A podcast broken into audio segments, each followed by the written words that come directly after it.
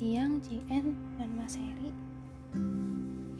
Ya, siang ini saya akan mempresentasikan uh, mengenai progres report saya pada semester 1 2021. Dalam presentasi kali ini ada tiga topik bahasan. Yang pertama fungsi jabatan, kemudian rekap nilai KPI, dan yang ketiga adalah analisa pencapaian per KPI uh, mulai dari yang pertama fungsi jabatan dari assessment tools and development sendiri adalah yang pertama uh, untuk melaksanakan riset dan pengembangan alat ukur dan kompetensi asesor kemudian yang kedua adalah menyediakan alat ukur yang valid dan reliable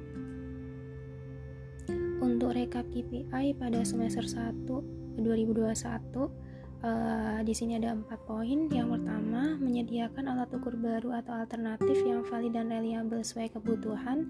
Di sini dari target yang ditetapkan ada tiga, kemudian pencapaiannya juga ada tiga. Kemudian yang kedua adalah menguji ulang reliabilitas dan validitas tepat waktu. Di sini dari target yang ditetapkan adalah 100%, kemudian pencapaiannya 88%. Uh, yang ketiga adalah mengendalikan alat ukur dari kehilangan atau kebocoran. Di sini dari target yang ditetapkan ada 0, uh, eh, kemudian pencapaiannya juga 0, dan yang terakhir ada memenuhi SDP yang terakhir adalah memenuhi SDP sesuai target. Di sini dari target yang ditetapkan 100%, kemudian pencapaiannya juga 100%. Sehingga uh, eh, KPI total atau indeks KPI-nya adalah sebesar 3,83. Untuk detail dari pencapaian per KPI eh, pada semester 1 2021 yang pertama uh, menyediakan alat ukur baru atau alternatif yang valid dan reliable sesuai kebutuhan. Di sini dari jumlah alat ukur yang valid dan reliable ada tiga dan yang seharusnya disediakan ada tiga sehingga pencapaiannya 100%. Nah, alat ukur ini mencakup uh, yang pertama ada personality and preference inventory atau papi caustic. Kemudian yang kedua adalah panduan behavioral event interview atau BEI dan yang Ketiga adalah 16 personality factor atau 16 PF. Nah, alat ukur ini uh, ada di mana? Nah, ini kita bisa lihat ada di mana dan dapat digunakan dalam konteks apa. Nah, ini bisa kita lihat dari Human Resource Management Framework, terutama pada bagian talent acquisition. Nah, uh, ini adalah gambaran secara garis besarnya. Kemudian saya uh, hanya potret di sini talent acquisition di mana talent acquisition ini terdiri dari dua ya. Yang pertama internal dan eksternal. Nah untuk alat ukur yang pertama atau papi caustic ya tadi nah itu berada pada uh, bagian talent acquisition eksternal di mana ini digunakan untuk uh, pelamar ya targetnya untuk pelamar kemudian berdasarkan domainnya uh, alat ukur ini adalah uh, alat ukur yang mengukur potensi jadi potensi assessment. Yang kedua ada alat ukur panduan behavioral event interview. Ini juga digunakan dalam konteks eksternal uh, pada pelamar ya terutama pada domain untuk mengakses uh, kompetensi. Dan yang ketiga adalah 16 PF nah di sini digunakan uh, untuk mengetahui preferensi karir seseorang yang akan dimutasi atau promosi. Nah, uh, terutama di bagian potensi assessment di talent pool di sini. Untuk detailnya, uh, papi caustic ini seperti yang sudah terdapat dalam diagram tadi termasuk uh, alat ukur untuk mengukur domain potensi karena uh, ini merupakan karena apikostik ini merupakan tes kepribadian ya untuk menilai karakteristik karakteristik kandidat apakah sesuai dengan culture uh, perusahaan kita yang dikaitkan dengan uh, corporate values kita yaitu Dion Care ya.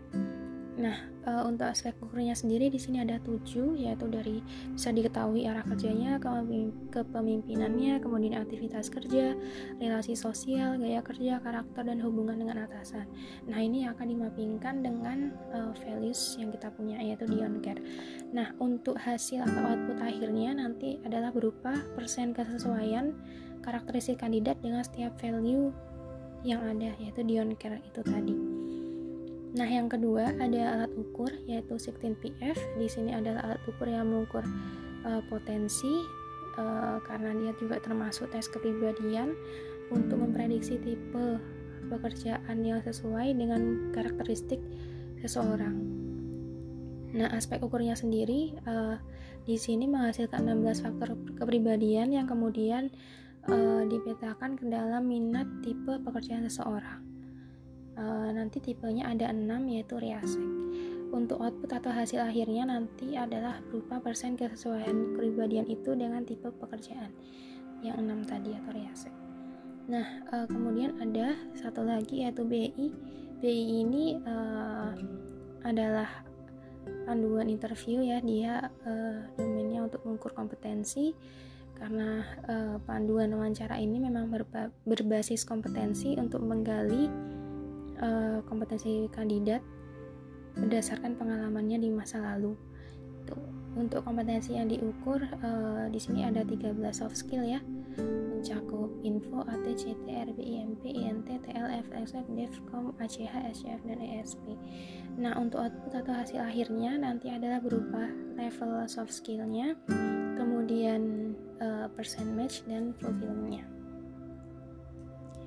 Nah, untuk gambaran, uh, jadi Papi Kostik ini um, nanti akan diadministrasikan uh, ke pelamar uh, secara online ya atau uh, menggunakan tab nanti dalam pengerjaannya. Nah, untuk outputnya tadi ada berupa persen kesesuaian. Kemudian ini ada behavioral event interview atau BEI nanti akan menghasilkan uh, level soft skill yang dicapai kandidat dan ada persen match dan persen fulfillmentnya.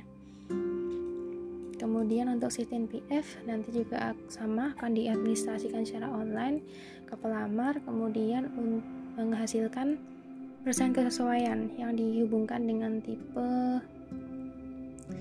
uh, pekerjaan seseorang. Di sini kita juga uh, sertakan career opportunity yang sesuai dengan kepribadiannya tersebut oke yang kedua ada uh, yang kedua adalah menguji ulang reliabilitas dan validitas tepat waktu. Di sini jumlah alat ukur yang diuji ulang tepat waktu ada satu dan yang seharusnya diuji ulang ada satu sehingga pencapaiannya 100%. Nah, alat ukur ini adalah berupa uh, behavior rating scale atau BRS ya yang men, yang mengukur 5 soft skill tambahan yaitu ada self control, customer service orientation, ada teamwork, kemudian interpersonal understanding dan concern for order. Ini jika tidak dicapai karena uh, maksudnya ada uji validitas ulang item yang tidak valid itu belum terlaksana jadi uji validitas yang pertama sudah dilakukan kemudian ada item-item uh, uh, dalam satu level itu yang gugur semua sehingga harus diperbarui uh, kembali harus dibuat kembali item yang baru kemudian dinilai um, oleh panel ahli yang mengerti alat ukur seperti itu yang paham akan yang sudah memahami terkait alat ukur itu sendiri. Nah kemudian uh, ini uh, belum terlaksana ya karena jumlah responden atau jumlah panel ahli tadi uh, kurang sehingga tidak bisa dilanjutkan ke tahap ke dilanjutkan ke tahap analisis item. Untuk solusinya akan melakukan follow up responden untuk segera melakukan uh, penilaian itemnya seperti itu. Nah, untuk menguji ulang alat ukur ini itu yang pertama adalah validitas. Di sini kita menggunakan uji product moment Pearson correlation. Di sini standar yang kita gunakan adalah dari Icon 1985. Ya, di situ ditetapkan uh, jika koefisien korelasi yang di atas 0,2 itu bisa dikatakan valid sehingga bisa kita gunakan untuk pengukuran. Nah, di sini uh, dari uji coba ya menghasilkan item yang valid dan tidak valid di mana setiap uh, soft skillnya ini ada datanya sebagai berikut gitu. nah item-item yang tidak valid uh, di suatu level yang tidak valid semua itu sehingga dalam satu level itu kosong dan uh, tidak ada item yang valid nah ini kita uji validitas ulang uh, memakai standar icon V kita lakukan panel judgment terutama pada uh, soft skill customer service orientation pada level 1 dan 6 kemudian untuk soft skill soft skill teamwork juga pada level negatif uh, pada level negatif 1 dan 0 Nah, di sini uh, yang kita gunakan adalah standar icon V tadi. Kita tetapkan ditetapkan bahwa yang di atas 0,5 itu yang valid. Sehingga di sini untuk itemnya sendiri keempatnya valid karena nilainya di atas 0,5. Kemudian untuk uh, uji yang kedua adalah uji reliabilitas. Di sini kita gunakan uji alpha Cronbach. Uh, ada lima yang lima soft skill ya dalam alat ukur behavioral thinking skill tadi yang diuji dan di sini hasilnya di atas semuanya di atas 0,6 sehingga dinyatakan reliable. Nah, menurut Guilford 1956 uh, standar koefisien koefisien reliabilitas uh, di antara 0,6 sampai 0,8 ini termasuk termasuk kategori reliabilitas yang tinggi. Oke, kemudian yang ketiga uh, adalah mengendalikan alat ukur dari kehilangan atau kebocoran. Di sini jumlah kebocoran atau kehilangan itu nol atau tidak ada ya. Nah, untuk alat tes yang dikendalikan ada ini uh, kita bedakan berdasarkan kategorinya apakah dia alat ukur potensi atau kompetensi dan ditujukan untuk manajerial atau non manajerial. Nah, dari semua alat ukur ini, ini semua alat mencapai eh, mencakup hard copy dan soft copy. Dari berapa banyak alat ukur ini?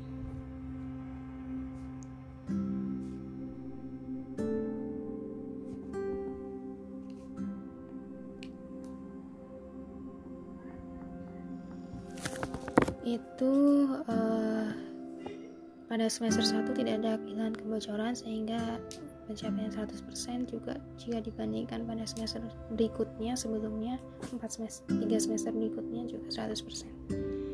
Kemudian uh, untuk KPI yang keempat adalah memenuhi SDP sesuai target. Di sini dari SDP yang dilakukan tepat waktu ada dua, kemudian yang ditargetkan ada dua, sehingga pencapaiannya 100%. Di sini ada dua itu mencakup uh, human resource management dan aplikasi e-form dari HRM hasil yang didapat uh, akhirnya bisa mengetahui pengelolaan SDM yang ada di Medion ini ya. Uh, mencakup proses penerimaan ya, atau acquisition kemudian pengembangan pekerja seperti apa development kemudian engagement pekerja itu dan proses deployment. Nah untuk pembuatan aplikasi e-form ini uh, hasilnya dapat membuat form dengan aplikasi Google Form dan Zoho Survey yang sesuai saat itu uh, yang diujikan pada saat itu gitu. dan juga ini. Baik terima kasih. Uh, mungkin cukup dari saya. Jika ada tambahan dari CN silahkan atau dari Mas Heri jika ada masukan silahkan